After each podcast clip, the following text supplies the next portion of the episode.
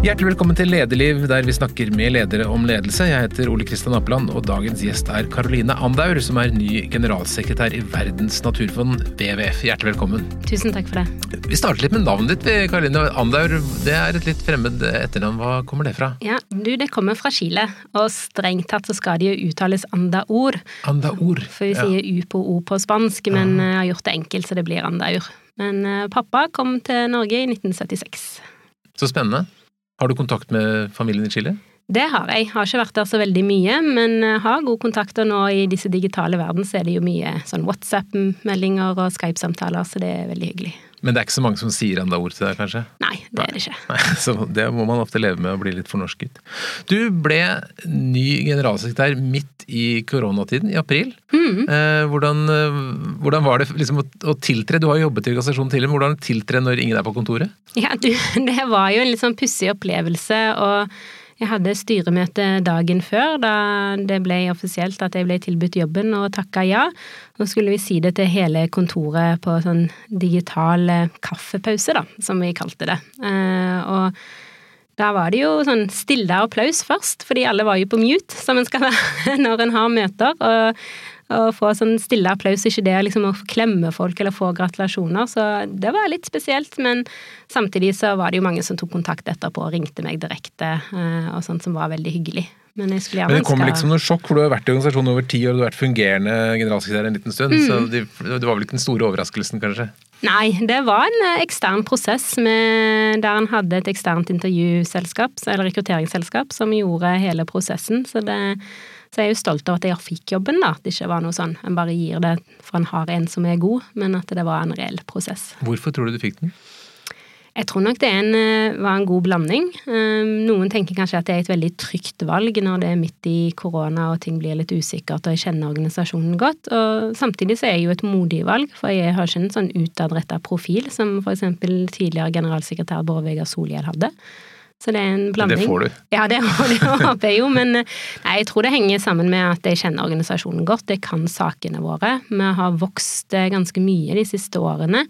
Eh, og nå skal vi liksom greie å få fullt utnytte av den veksten, da. Eh, og virkelig kapitalisere på det vi har. Eh, og bygge videre på det. Så det tror jeg tror jeg... alle kjenner, eller, kjenner til organisasjonen, ser for seg mm. Panda-logoen og WWF og sånn, men, men, beskriv hvor stor er den, og hvordan ser den ut?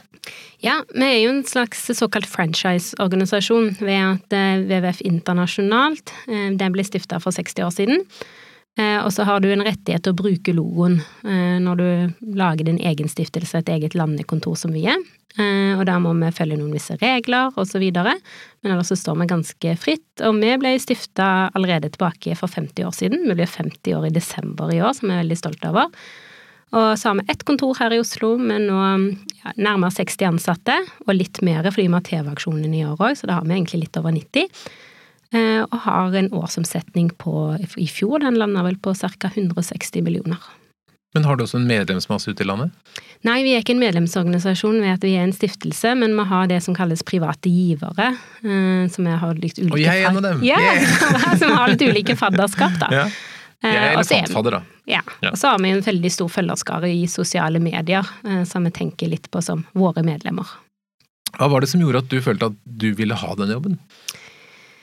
Det var litt tilfeldig at jeg havna akkurat i WWF, for jeg hadde nok en bakgrunn der jeg mer så for meg at jeg skulle kanskje jobbe i en humanitær organisasjon. Eh, men så skrev jeg en masteroppgave da, i sosialantropologi om lakseoppdrett i Chile, av alle ting.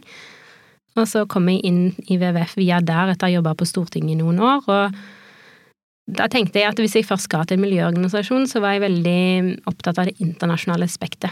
At en ser på de globale løsningene og på lokale problemer. At uh, du Mange ting må løses i fellesskap uh, i verden, og ikke bare ett sted. Mm. Og at vi ofte har det veldig godt her i Norge, og at en har det mye verre andre steder. Så hvordan kan vi sørge for at vi jobber sammen? Det er jo en flott gruppe organisasjoner i Norge som jobber for natur og miljø, det er Naturvernforbundet, det er Fremtiden våre hender, det er Zero, det er dere. Altså, mm. Eh, hvordan, hvilken, hvilken hjemmebane har dere i det terrenget? Ja, det som er fint med miljøorganisasjonene i Norge, er jo at det er et mangfold. Eh, og at en jobber på kanskje litt ulike måter, eh, sånn at vi supplerer hverandre mer enn konkurrerer. Eh, og så tenker jeg at WWF, det som er unike med oss, er nok det at vi har det globale bak oss, eller med oss. For vi er en global organisasjon, og vi jobber på alle ledd. Så hvis vi prøver å få til en politisk beslutning eh, som skal være større enn Norge, eksempel, så er vi til stede i FN-forhandlinger, vi er i de regionale møtene, vi er i EU. Vi er på nasjonale plan, og så er vi helt ned på bakken òg. Der de ulike prosjektene der menneskene faktisk en jobber med òg, for å sikre mer natur. Så vi er på alle nivåer, og det gir oss en styrke i forhold til å se på helheten ting. Og så jobber vi både med natur og klima, som jobber ofte veldig i det skjæringspunktet der. Og det er det ikke alle de andre organisasjonene som gjør. Jeg forbinder det veldig med, med dyreliv, mm. og i fjor så kom det helt forferdelig sjokkerende tall over hvor mye dyr som egentlig har blitt borte. Ja, ja, det ler jeg, vet du. Nei, ja, men det, det var sånn du verden. Ja, det er, det er fordi det har vært ganske underkommunisert lenge hvor eh, ille det står til med naturen. Eh, vi har en sånn bit for bit-nedbygging, eh, der vi tar og fjerner litt her og der og tenker ikke over hvor mye det betyr. Og så De siste årene så har en fått mer oppmerksomhet, og WWF vi gir ut en rapport som heter Living Planet Report annethvert år, og den har vi sagt i flere år at bestanden av ville dyr har gått betraktelig ned. Eh, og når du ser på den rapporten som kom i fjor, så var jo det fra det, noe som heter det er FN sitt søsterpanel for natur. Eh, alle har hørt liksom om Klimapanelet, som sier ut de store klimarapportene. Så gjorde det samme på natur. Og i fjor var kanskje første gang de fikk ordentlig oppmerksomhet. Og det sa han jo der fordi at én million dyr står nå i fare for å bli utrydda. Og at vi har aldri opplevd et så høyt tempo Eh, der naturen forsvinner dag for dag, litt og litt. Og antallet ville dyr totalt sett er jo desimert siden en generasjon siden? Ja, det er det. Så det er jo en 40% nedgang siden 1970. Eh, og vi har et tempo da som en aldri har sett eh, før. og det noen har jo tatt ordet for at vi er i den sjette masseutryddelse, og det går jo fordi at det er mer enn liksom, antall dyr, så er det tempoet vi bygger ned og det, det som skjer at Så 40 bygger, av dyrene på jorden har blitt borte i den perioden? Mm, av de ville dyrene. Mm. Og så er det det at det vi først og fremst er ikke nødvendigvis at vi skyter de dyrene eller fanger de dyrene, vi bygger bort leveområdene, altså habitatene som det heter på fagspråk. Eh, men egentlig hjemmet deres, da. Vi kutter ned skog, vi gjør om store områder til parkeringsplasser, veiutbygging, eh, all type infrastrukturutbygging, så de dyrene har ikke noe plass å, å leve, eh, rett og slett. Så det er jo det som går på at de arealendringene er jo det som truer dyrelivet først og fremst. Hvor er det verst? Ja, hvor er det verst? Det er egentlig like ille overalt, eh, vil jeg si. Fordi ofte så tenker en på store utbyggere som kan høre om her og der, men det har jo vært et generelt problem, spesielt på avskogning. Mm. Eh, og da har det jo vært når man har kutta ned regnskogen, men også f.eks. avskogning i Australia, eh, som en har vært massiv, like mye som man har sett eh, regnskogen i f.eks. Amazonas. Men gått litt under radaren. Men når en så de store skogbrannene, som villbrannene som de kaller, som herja da rett før jul og etter jul, så ble jo de mye verre nettopp fordi at en har hatt avskoging, mm. og konsekvensene for dyrelivet mye større. Så avskoging, eh, som har skjedd over hele verden, egentlig, det har vært veldig kritisk. Og, og her i Norge så er det jo Det er liksom den stadige, den lille den veiflekken her, den broa der, den utbyggingen der, som gjør at en stadig taper mer natur og bygger ned leveområdene. Og så tenker en at hver for seg så går det greit, men så glemmer en å se på helheten. Og liksom når får du det som man ofte kaller sånn tipping point, altså når blir skåla, vektskåla tipper i mm. feil retning, da, som gjør at Men vi liker vel å tenke at vi i Norge er litt flinkere enn resten av verden på dette? Vi gjør det, men vi har fremdeles en lang vei å gå i Norge. Og det ser du jo ofte her at vi ikke vet nok. Eh, det har vært mye snakk i de siste årene om at en skal få på plass det som heter et økologisk grunnkart. Det handler om å kartlegge naturen vi har, dyrene vi har, hvor de lever. Som gjør at når en skal ha utbygging, så kan en ta gode beslutninger basert på på naturen som er der. Og det arbeidet er satt i gang, men som mye annet på natur og miljø, så kommer det bevilgninger som er altfor små for å få fortgangen på det og få det ordentlige løftet en trenger. Men det er jo en investering i forhold til hvis du ser på byråkrati ellers og på, på utbygginger. Det å vite om naturen i forkant vil jo gjøre prosessene mye lettere og mye bedre. Eh, og vi har jo tatt til orde nå for noe som heter naturavgift, som betyr at fordi det er ofte gratis å ødelegge naturen. Tar du en sånn samfunnsøkonomisk analyse på veiutbygging, så ser du hva de ulike elementene koster. Tap av natur koster ingenting. Sånn at de store utbyggingene, enten om tillatelsene blir gitt fra en kommune eller et direktorat, når det er gjort, så bør det koste å bruke naturen. Så vi betaler en avgift eh, som da er basert på vi ødelegger den naturen, hvor mye koster det å restaurere tilsvarende ja, område. For dere tatt til orde for restaurering av natur også? Mm. Har vi gjort det i Norge i det hele tatt før? Nei.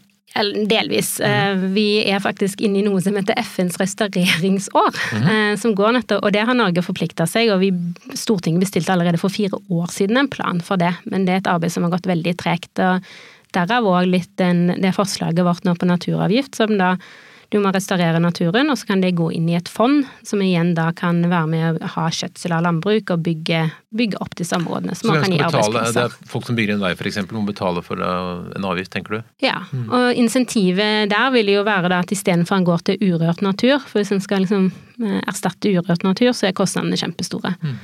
Så da, og jo større utbyggingene, jo større, jo mer vil det koste. Så vi tror òg det er et insentiv for å gå for de litt mindre inngripende utbyggingene. Mm. Og at en kan gå i områder der det allerede finnes infrastruktur, isteden hele tida for å se på urørte naturområder. Men et område hvor liksom to gode hensyn krasjer, det er jo på vindkraft.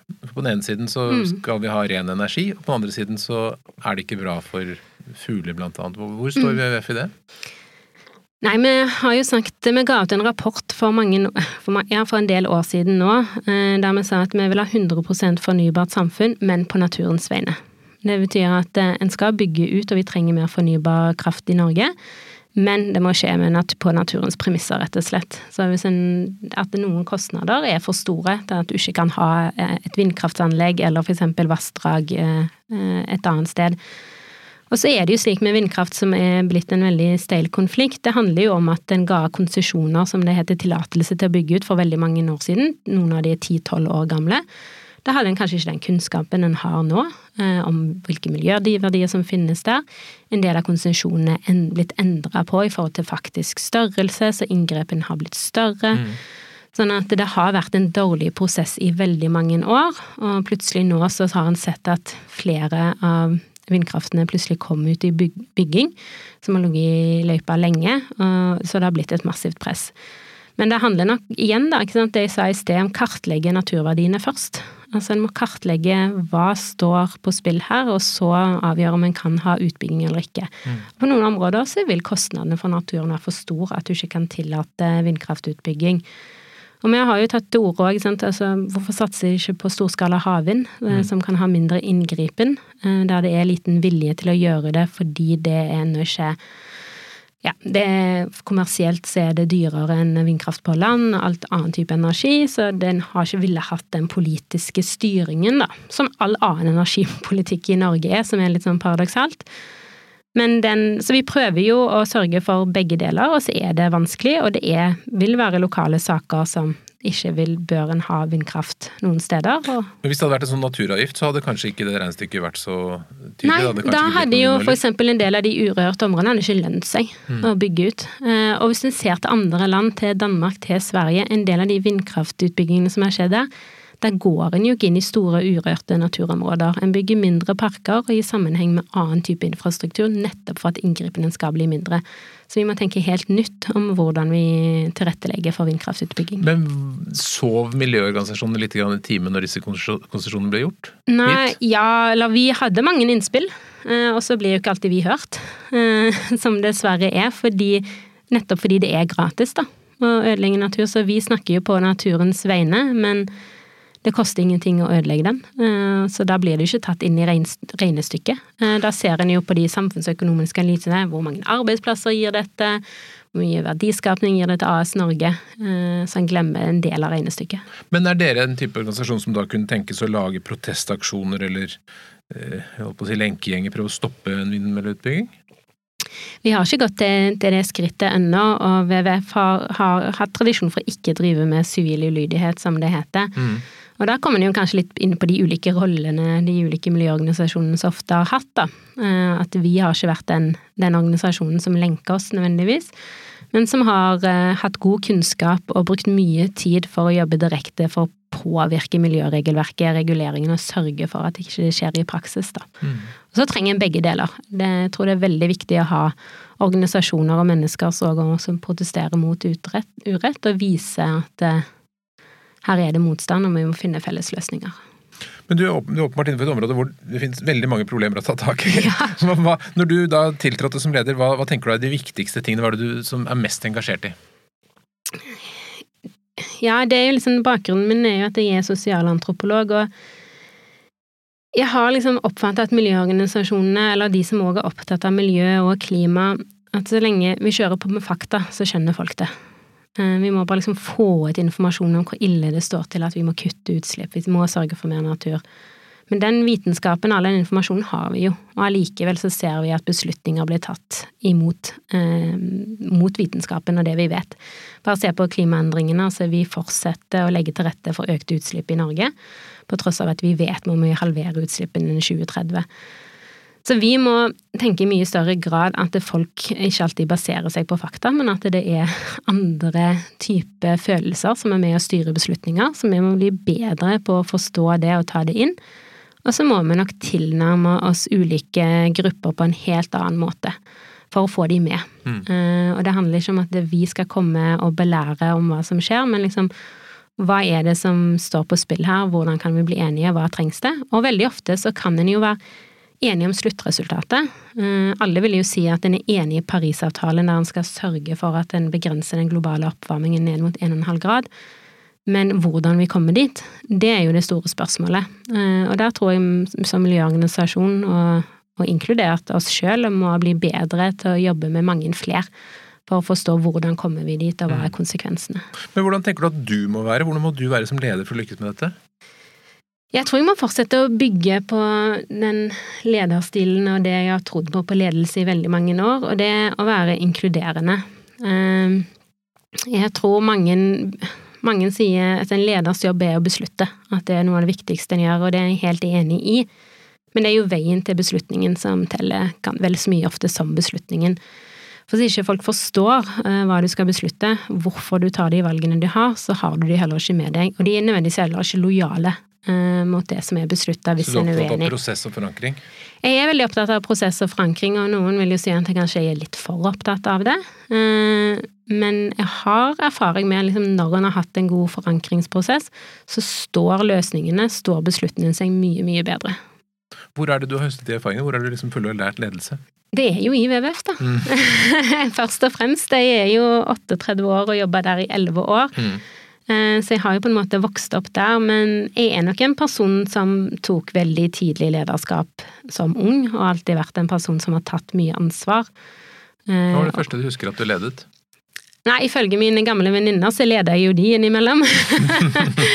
Men uh, det første jeg gjorde sånn offisielt, var jo det at jeg var medlem av noe som heter Norges unge katolikker. Uh, og leda lokallaget vårt. Og skulle en på årsmøte. Og da fikk en i oppgave at en skulle sende sånn Hva skal årstema for Norges unge katolikker være? Du som lokallagsleder må sende inn et forslag. Og pliktoppfyllende som jeg var, gjorde jo jeg det.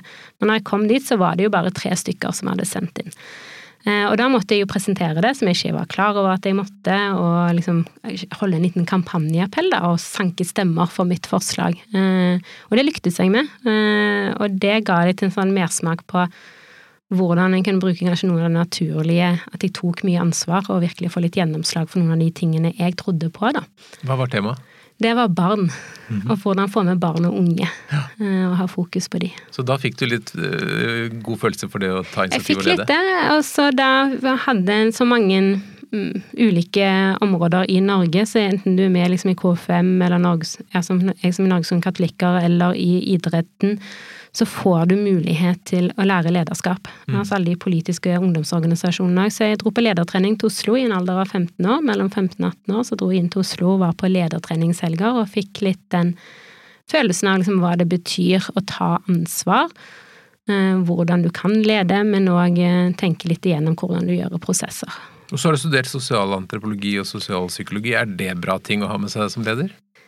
Det er jo Jeg tror jo det. Eh, det sosialpsykologien, den har jeg brukt mye litt på å forklare folk liksom litt den hvorfor du vet noe, men så gjør du noe annerledes. Som handler om det som heter kognitiv dissonans. Altså du styrer handlingene dine etter tankene dine, eller motsatt, men du greier ikke å ha de motstridende, for da oppstår det en konflikt i deg. Og det er det mye av innenfor miljøet? Ja, det er veldig mye, men bare i hverdagen så er det mye av det. Og sosialantropologien den bruker jeg veldig mye i forhold til det litt det med å observere, og det å hjelpe folk å ta et skritt tilbake. Og jeg vet at noen kan av og til synes jeg er litt for analyserende i forhold til at det, jeg greier litt å se neste steg, da, fordi vi er jo litt sånn ramme, hva skal jeg si, vanemennesker. Mm. Og litt ofte kan jeg tenke ja, men jeg vet jo hva du kommer til å mene. Så for å bryte opp i litt av de mekanismene, altså for å bryte litt opp i de mønstrene som er laget i hverdagen, der ofte i en ledergruppe så får liksom ulike personer fort en egen rolle, og så gjentar han den rollen, og så får han en dynamikk. Så hjelper folk liksom da å løfte blikket, ta et utenfra-blikk. Så for eksempel så på sist Vi sitter midt i en strategiprosess, og da hadde vi et ledermøte der jeg fra begynnelsen sa um, Pekte på noen, eller på alle, inkludert meg sjøl, sånn 'dette får ikke du lov til å si i dag', eller 'sånn får ikke du lov til å oppføre deg i dag'. Fordi det er litt sånn Litt forutsigbart, så tror jeg du kommer til å mene det.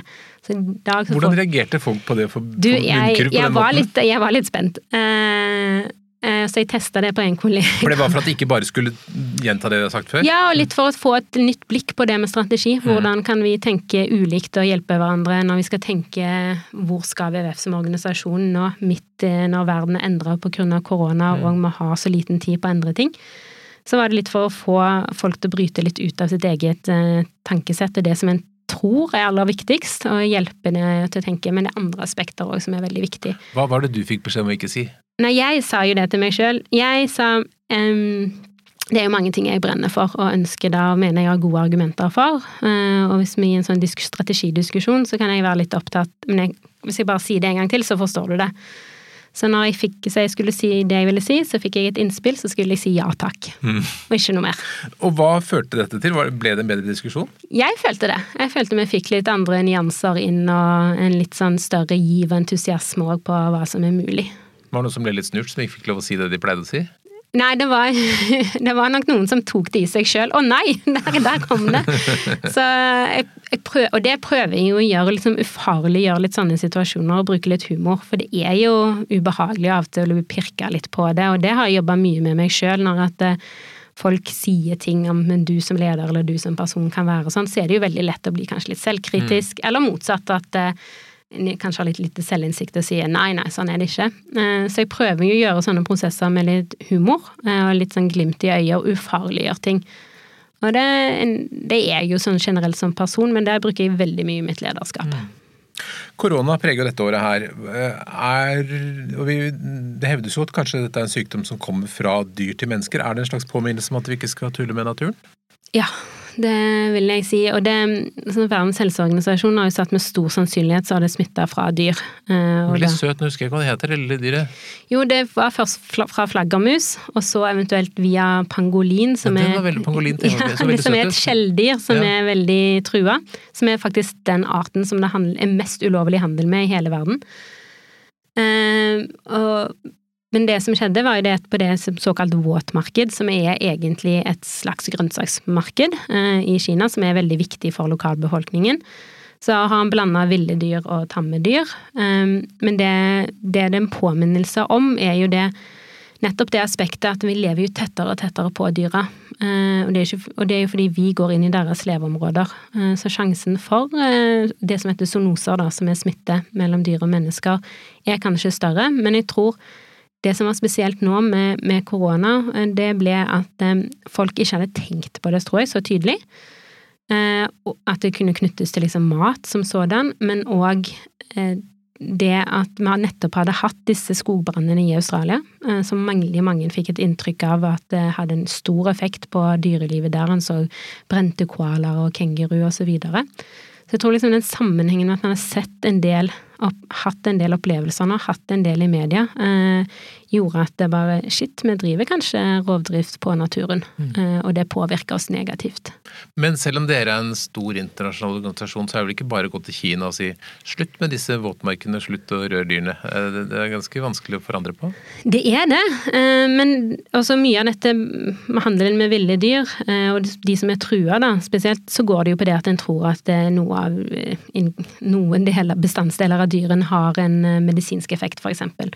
Så pangolinen så maler jo opp disse skjellene eh, og tror at det har en helseeffekt ved å da spise det pulveret. Men virkepulveret, eller det virkemiddelet i det pulveret, er det jo samme som i neglene våre. Altså, så det har ingenting for seg. Og så da blir lære, det blir brukt til vesker og, og sko og belter, og kjøttet som blir sett på som det er ikke noe godt, men eksotisk.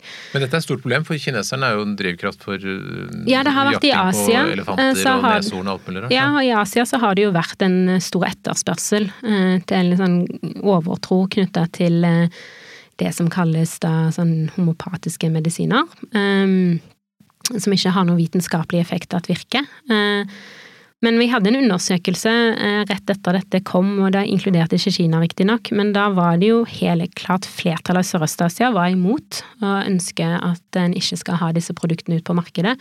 Og det er jo kun et fåtall som er for, men de, det er jo mange folk, mm. så det blir et marked uansett. Og store utfordringen er jo at det er så enormt med verdier. Eh, så det er en veldig stort insentiv for å drive med ulovlig med kriminalitet, med krypskyting, fordi det er så store verdier i det. Og sånn på verdensbasis, hvis du ser på ulovlig handel, så kommer det på fjerdeplass. Det er ulovlig handel med ville dyr. Det kommer på fjerdeplass eh, etter type dop og våpen. Ja. Eh, i verdi, for det er så mye penger knytta til det. Nå kan man si mye rart om Kina, men de er ganske flinke til å holde kontroll på folk hvis de vil. Så hvis myndighetene virkelig jobber for dette, kanskje det går an å snu det? Ja, og i går så kom det en veldig god nyhet. Eh, og da har en da tatt og sagt at det er ulovlig eh, å handle med, å handle med pangolin, at det ikke skal være lov. Og de har da som en følge av det og tatt det bort fra sin liste over sånne for den har stått Det som er litt spesielt òg, at det er en del produkter som står på sånn ikke-medisinsk liste, eh, som er lov til å bruke i Kina fordi en tror på at det har helbredende egenskaper. Men nå er den tatt bort av lista der. Eh, så det blir jo litt mindre insentiv. Kanskje dette ender som et bra år for pangolinen, da. Ja, vi får håpe det. Men hva tenker du koronaepidemien totalt sett har betydd for klimaarbeidet? Ja, vi har jo sett noen undersøkelser nå at liksom utslippene har gått litt ned videre, men det er jo ikke slik vi vil at uh, utslippene skal gå ned, fordi det har jo veldig dramatiske effekter for oss som samfunn. Men jeg tror på mange måter er det flott at vi flyr mindre og sånn, det er bra. Ja, det er det, og jeg tror eksempel næringslivet har fått seg en ordentlig oppvekker på alt det, alle de små flyturene en gjør hele tida, og så klager de samtidig og jeg må være så borte så mye fra familien min, skulle ønske jeg kunne fly mindre, men jeg må være med på det møtet. Og det tror jeg kommer til å endre seg. Mm. Jeg tror liksom, Nå er det ekstremt mye mer effektivt, og bedriftene vil jo spare enormt med penger, og ikke bare forhold til det reisekostnadene, men det er liksom effektiv reisetid, da. Eh, du, du, vil jo ha for mye mer effektive arbeidstakere hvis du tar bort all reisetida. Så der tror jeg vi kommer faktisk til å se en nedgang. Og så tror jeg det har gjort noe med folk òg, at en faktisk ser resultatet når det har vært mindre aktivitet. Altså en har hatt bilder der med mye renere vann, en har sett Himalaya som en ikke har sett på mange år av endelig så er det litt eh, mindre CO2-utslipp, altså klimautslipp, men det, men det som er det viktigste, er jo liksom nå når man skal komme i gang med økonomien igjen, og i alle, hele verden, inkludert i Norge nå, så er det jo det som heter stimulansepakker, for, eller krisepakker som vi har kalt det her i Norge, eh, for å få i gang økonomien igjen, som er viktig. Og da er det jo innretningen på de som avgjør eh, veien videre. Mm. Og EU, for eksempel, de har vært veldig tydelige på at eh, det som de kaller recovery plans, altså hvordan få i gang igjen økonomien, den skal være grønn. Det skal være noen kriterier knytta til konkrete klimautslipp, at utslippene skal ned. Her i Norge så har vi gjort motsatt. Ehm, vi har hatt eh, hva skal jeg si, ordinære krisepakker og det som heter en grønn krisepakke, som var på 3,6 milliarder, som skal gå over tre år, som er litt sånn, litt sånn stimuli her og der. Mens for eksempel for olje- og gassnæringen så har en jo fått en egen pakke, en oljeskattepakke, der vi som skattebetalere tar den store risikoen. Og der har jo det vært for at en skal stimulere ikke det som skjer på plattformene, men hele leverandørindustrien, som er veldig viktig for Norge. Det er mange arbeidsplasser. Men kunne òg stimulert det inn i annen type grønne næringer, fornybare næringer, og virkelig satsa på det.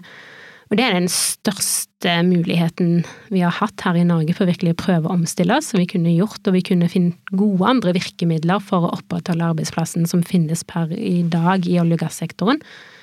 Men det valgte en ikke å gjøre, og det er den mulig største muligheten vi har gått glipp av noensinne. Og det, dessverre så låser det oss inn i et eh, fremtidig olje- og gassnasjon som fortsatt er kjempesårbare fordi oljeprisen uh, Fordi nå spår en jo at en har nådd oljetoppen. Mm.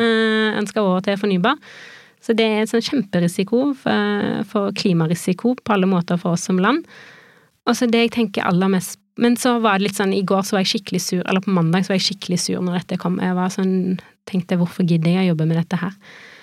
Eh, men så var det å tenke litt sånn men hva betyr det i praksis, da? Det er jo for det første så har vi i WWF vi har prøvd å snakke om oljeskatteregimet i veldig mange år. Vi får jo litt oppmerksomhet, noen sånn politiske journalister snakker om det, vi har noen møter om det, men folk flest vet ikke hva oljeskatt er. Og det positive nå, da, med den, eh, det, det, som har vært nå, nå vet jo alle folk hva mange flere hva oljeskatt er. Og de bryr seg faktisk om okay, hvilke subsidier får egentlig olje- og gassnæringen hva er det vi egentlig driver med her? Hva er kostnadene for den norske stat, og hva er kostnadene for, eh, for selskapene? Og en får et helt annet type diskusjonsnivå. Mange flere folk bryr seg. Mm. Så nå har vi fått en ny oppmerksomhet, så kanskje gjør meg tro på at ja, kanskje vi kan få til noen av de endringene vi ønsker. For dette med kostnader er spennende, fordi man sier jo at det tar kostnader hvis vi skal kutte olje, f.eks. Men dere har gitt ut, eller Internasjonalt så har WWF gitt ut en rapport hvor det står at Norge er et av de landene som kan tape mest penger på videre ødeleggelse av naturen. Mm. Det, så det er både kostnader på begge sider. Hvordan, hvordan ser det regnestykket ut, egentlig? Ja, det, Den store tingen der er jo ved å fortsette med å ha klimautslipp og drive hva skal jeg si, business as usual, så er det hovedsakelig fiskerinæringen vår eh, som blir som en naturressurs da, som blir påvirka negativt eh, hvis en ser framover. Og, og, det er jo kanskje nettopp det en har jobba mye med de siste årene, inkludert eh, med i WWF. Det å si hva betyr klimaendringene, hva betyr klimautslippene for naturen? Mm. Eh, og alt vi lever av er jo ressursgrunnlaget, selve ressursgrunnlaget vårt er jo natur. Eh, så det er de råvarene vi skal leve av som rammes først og fremst. Eh, å få den Koblingen har ikke vært like lett, den begynner å komme nå, og så er det nettopp det å sette verdi på ting, da skjønner folk det. Altså når du ser på hvor mye fiskerinæringen bidrar til Norge, hvor store verdier det er innenfor det, så skjønner en at det er jo det er jo tapt, både tapte arbeidsplasser og tapte penger i statskassa. Men igjen så genererer det masse flytrafikk som ikke er så bra. Så det er jo komplisert, dette. Ja, nei, men en kan jo se på fiskeri, så handler det jo om å finne nye løsninger der òg. Og der har en jo eksempel lakseoppdrettsindustrien, som har mange ulike problemer lokalt her i Norge, så har de begynt å fly fersk fisk til eksempel Kina og Asia. Eh, men der drives det jo nå med prosjekter at det er mange som syns eh, fersk fisk, som ikke kan kjenne forskjell på hvis den har vært tint ned og så fryst opp igjen, fordi han har fått ekstremt mye bedre metoder for å sjokkfryse ting, sånn at selve konsistensen, fiskens kvalitet forringes ikke ved nedfrysning. Sånn at eh, å liksom bygge litt videre på det, og marked på det, så kan du sende de med båt. Fantastisk. Som vil ha et mye lavere avtrykk. Dere har, eh, som du nevnte så vidt, så har dere fått TV-aksjonen i år. Det er jo gøy. Mm. Jubileum og TV-aksjon og alt på en gang. Eh, og da har dere valgt havplast som et viktig tema. Mm. Hvorfor akkurat det? Ja, eh, vi har jobba med plastforsøpling, altså problemet at plast kom ut i naturen i mange år media var ikke så veldig opptatt av det, og i 2017 så stranda det en hval på Sotra. Den hvalen har gjort mye for dere? Den har gjort mye, den har det. Så jeg tenker alltid den ofra livet sitt for en god sak. Mm. Eh, og den døde jo av sult fordi den hadde var det 30 plastposer i magen. Eh, men der fikk folk ordentlig oppmerksomhet på liksom, hva skjer. Eh, og det sies jo at all plast som er kommet i produksjon siden 1950, den finnes fremdeles. Fordi det er så lang nedbrytningstid på plasten. Og når en tenker på plastproblemet, så tenker en at eh, en skal gå og plukke litt opp litt plast på stranda, en ser det mm. langs kystsonen. Men så er det jo sånn at 94% av plasten, den synker til bunns. Så du ser den ikke. Så det er en brøkdel vi ser på strendene våre. Eh, det et, og, det er et, systematisk problem. Det handler liksom ikke bare at meg og deg skal bli litt flinkere. Det produseres for mye unødvendig engangsplast. Det finnes ikke avfallssystemer som er gode nok. Og så gikk vi litt mer i dybden på det, eh, WWF som organisasjon, og der kom jo det globale inn igjen. Mm. For, ja, for det, det, veldig mye av den plasten som er i Norge, f.eks., kommer jo ikke fra Norge. Det stemmer. For mesteparten kommer fra Eller mesteparten av Mye kommer fra plasten samme, Ja, vi får mye fra Skottland og England. Eh, mesteparten av plasten kommer fra landjorda, 80% og 20% fra fiskeri og skipsaktiviteter. Men de ti mest forurensende elvene, da, som eh, sørger for, for plast som kommer i havet, eh, de ligger jo i Asia. Mm. Eh, og, og det er jo ikke de nødvendigvis bare de som forurenser mest til havet, men de ti mest forurensende ligger i Asia. Og så så vi på de landene våre som, eh, som har prosjektkontorer og vi har kontorer på, så er det liksom plast er et økende problem. Det er et kjempeproblem i infrastrukturen. Det tette liksom elvene som er og eh, kan være drikkevannskilder, det kan være Det er en viktig livsåre. Eh, det skaper forurensning fordi en brenner plast lokalt, altså en drukner nesten i plast, mer eller mindre. Og så har det blitt et problem i for eksempel for kystfiskerne som vi har en fisker i Vietnam som vi bruker som et eksempel i TV-aksjonen. Når han kaster garnet, så får han mer plast enn fisk i garnet. Um, det, så derfor skal jo årets TV-aksjon den handler jo da ikke om at vi skal plukke plast eller rydde plast, selv om det vi skal ha noe engasjement rundt det, så handler det jo det som vi så fint sier, stoppe plastkrana. Mm. Altså sørge for at plasten ikke havner ute i naturen i utgangspunktet. Så vi skal jobbe med det som er så fint, dette Og det er jo veldig bra ting, men, men uh, hvordan flytter si, pengene seg fra da bøssen hvis jeg legger på noen hundre kroner der? Hvordan, hvordan klarer dere å få det til å bli slutt på plast? Ja, det, eh, det vi skal jobbe med helt konkrete løsninger på det som heter avfallshåndtering. Og skal, pengene skal gå til prosjekter i Vietnam, Filippinene, Indonesia eh, og Thailand. Eh, Så litt ulike prosjekter i de ulike landene, fordi det er vel litt forskjellige utfordringer. Men eksempel på Filippinene så skal vi jobbe i Manila, som er en av verdens mest tetteste befolkede byer. Da har vi tatt ulike bydeler, der vi da skal jobbe med eh, å lage en verdikjede for avfall. Sørge for at plasten blir samla inn, at den blir returnert, at den kan gjenbrukes hvis det er mulig, eller da blir brent på en god måte. Og mye holdningskampanjer, holdningsarbeid, for å sørge for at en ikke skal plast, kaste plast i naturen. Men hele tanken vår er jo å lage prosjekter som eh, Dette er jo nybrottsarbeid, men at en skal lage prosjekter som kan skaleres opp. Eh, Og dere, dere også får en avgift på ny plast?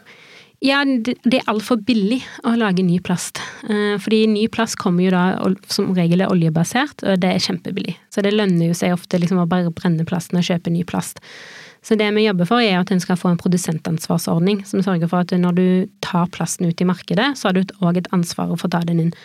For Eksempler på produsentansvar på andre produkter er vi har det f.eks. på panteflasker. Mm. Der er de som putter flasken ut i markedet, de er ansvarlige for å ta det inn. Eh, Alle elektriske varer som selges i Norge. Så kjøper, det er jo derfor hvis du kan levere tilbake batteriene dine, lyspærene dine på Kiwi og Rema og sånn, det er fordi det er en produsentansvarsordning. De selger det, da er de pliktige til å ta, tilrettelegge for å ta det imot igjen. Og så er det av, ulike avgifter for å få det på plass. Jeg tror det er et tema som kommer til å engasjere mange, men det har jo engasjert noen allerede litt sånn negativt. Noen sier dere ikke vil støtte dere på de vil, Noen kommuner vil ikke jobbe sammen med WWF fordi at dere er glad i hval og ulv. Ja, det, det er jo frivillig å være med i TV-aksjonen, først og fremst. Og det er jo det som er unikt med TV-aksjonen. Eh, For én ting er at det er mulighet til å samle inn eh, mye midler til prosjekter som kanskje ellers ikke hadde gått i gang. Og det som er så fint med TV-aksjonen, er jo at eh, det beløpet du får inn er såpass høyt at du kan nettopp lage varige løsninger. At det ikke er bare sånn blaff, at en gir litt penger for å Men det skal virkelig til rota ved problemene. Men det er jo du du- du frivilligheten, da. nå skal vi løse plastproblemer, vi skal gjøre fantastiske prosjekter Mm. utenlands, og så kommer de og sier vi vil ikke støtte dere fordi dere liker ulv? Altså, hva, hva tenker du om det? Ja, jeg blir jo trist, det skal jeg ærlig innrømme å si. Og som sagt så er det frivillig å være med, så jeg respekterer det jo. Men eh, så tenker jeg det er jo ikke synd på meg, det er jo synd på de 900 000 menneskene som vi skal hjelpe, da, med, som lever i dette plastproblemet. Og vi skal samle inn da 7000 tonn plast i året. eh, Og det tallet sier det kanskje ikke så mye, men du må tenke på at plast er veldig lett. eh, Så det er en enorm mengde vi skal få ut. Og mest, en av de mest forurensa elvene i Indonesia transporterer ca. 1000 tonn plast i året ut i havet. Så det er ganske store mengder vi skal samle inn.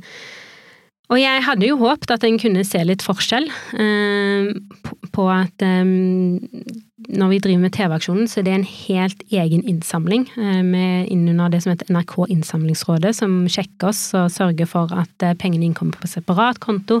Så det går ikke til drift i WWF i Norge eller noen ting, det går rett ut til prosjektene våre, og det skal være avslutta innen fire til fem år. Eh, Og det er jo et av de de hva skal jeg si, innsamlingskontrollene som har et godt system, nettopp for å sørge for at eh, pengene blir brukt på, på god måte. Så det er ingen Du trenger ikke være redd for det, da, at ikke pengene havner der de skal, for det gjør de.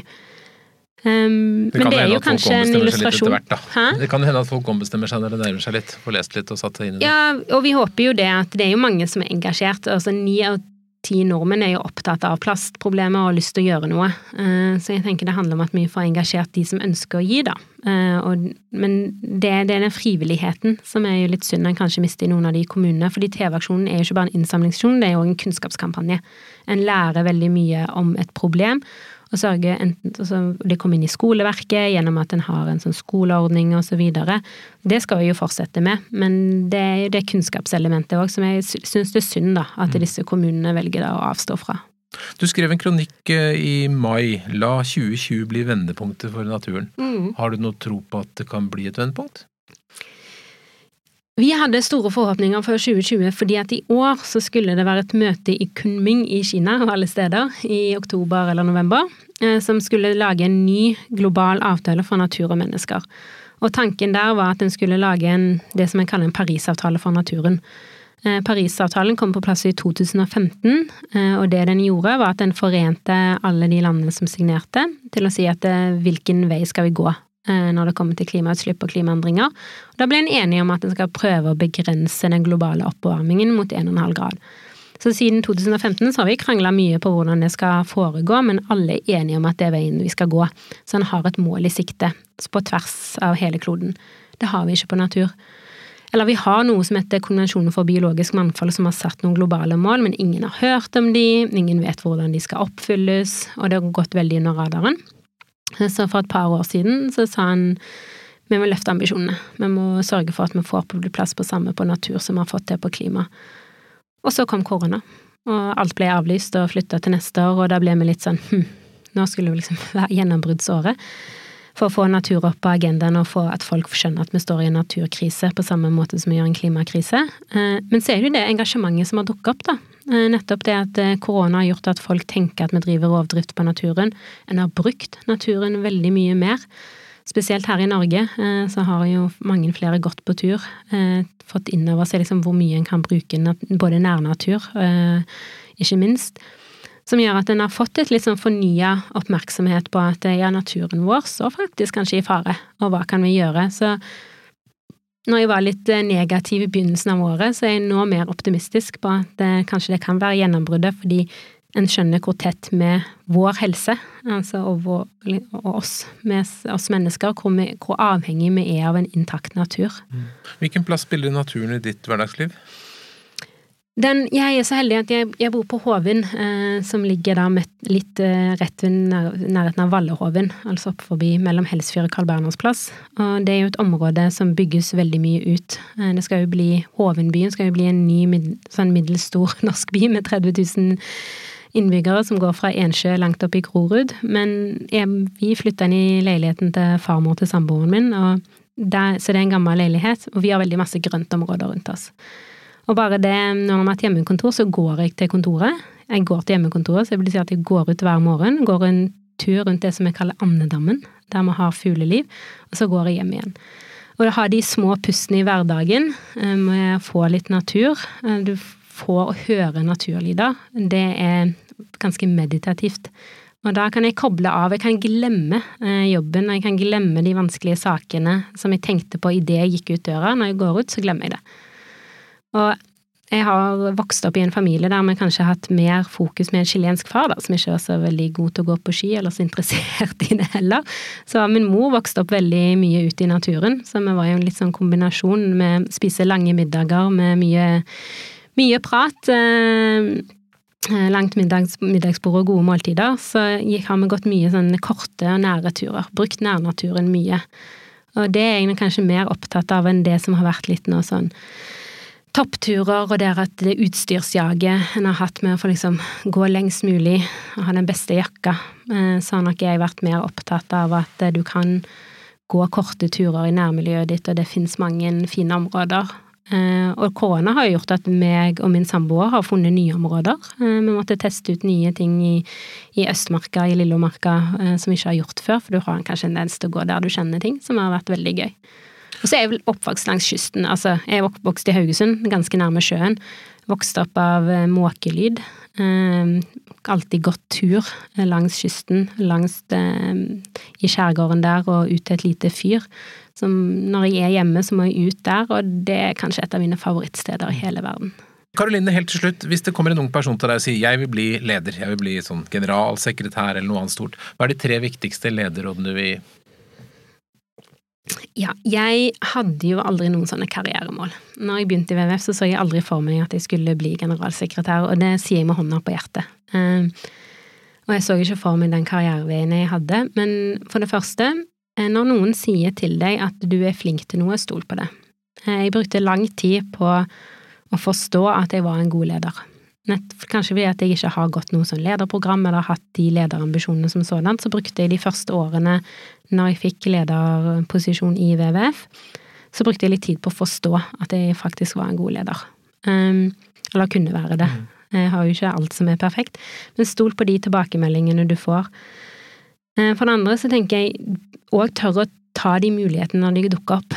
Ehm, jeg gikk inn i noen lederstillinger i WWF som jeg tenkte dette er jeg ikke klar for.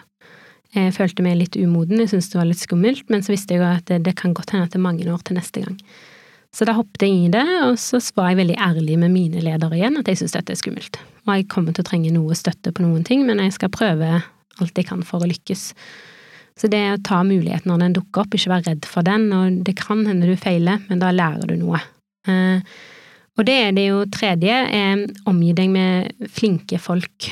Eh, så det tok meg jo litt tid å forstå, altså at du, du kan ikke være god på alt, og du skal aldri tenke som leder at du er god på alt, for det er du ikke. Så tør å stole på å ha flinke folk, og kanskje flinkere folk enn deg rundt deg òg, sånn at de kan hjelpe deg på veien.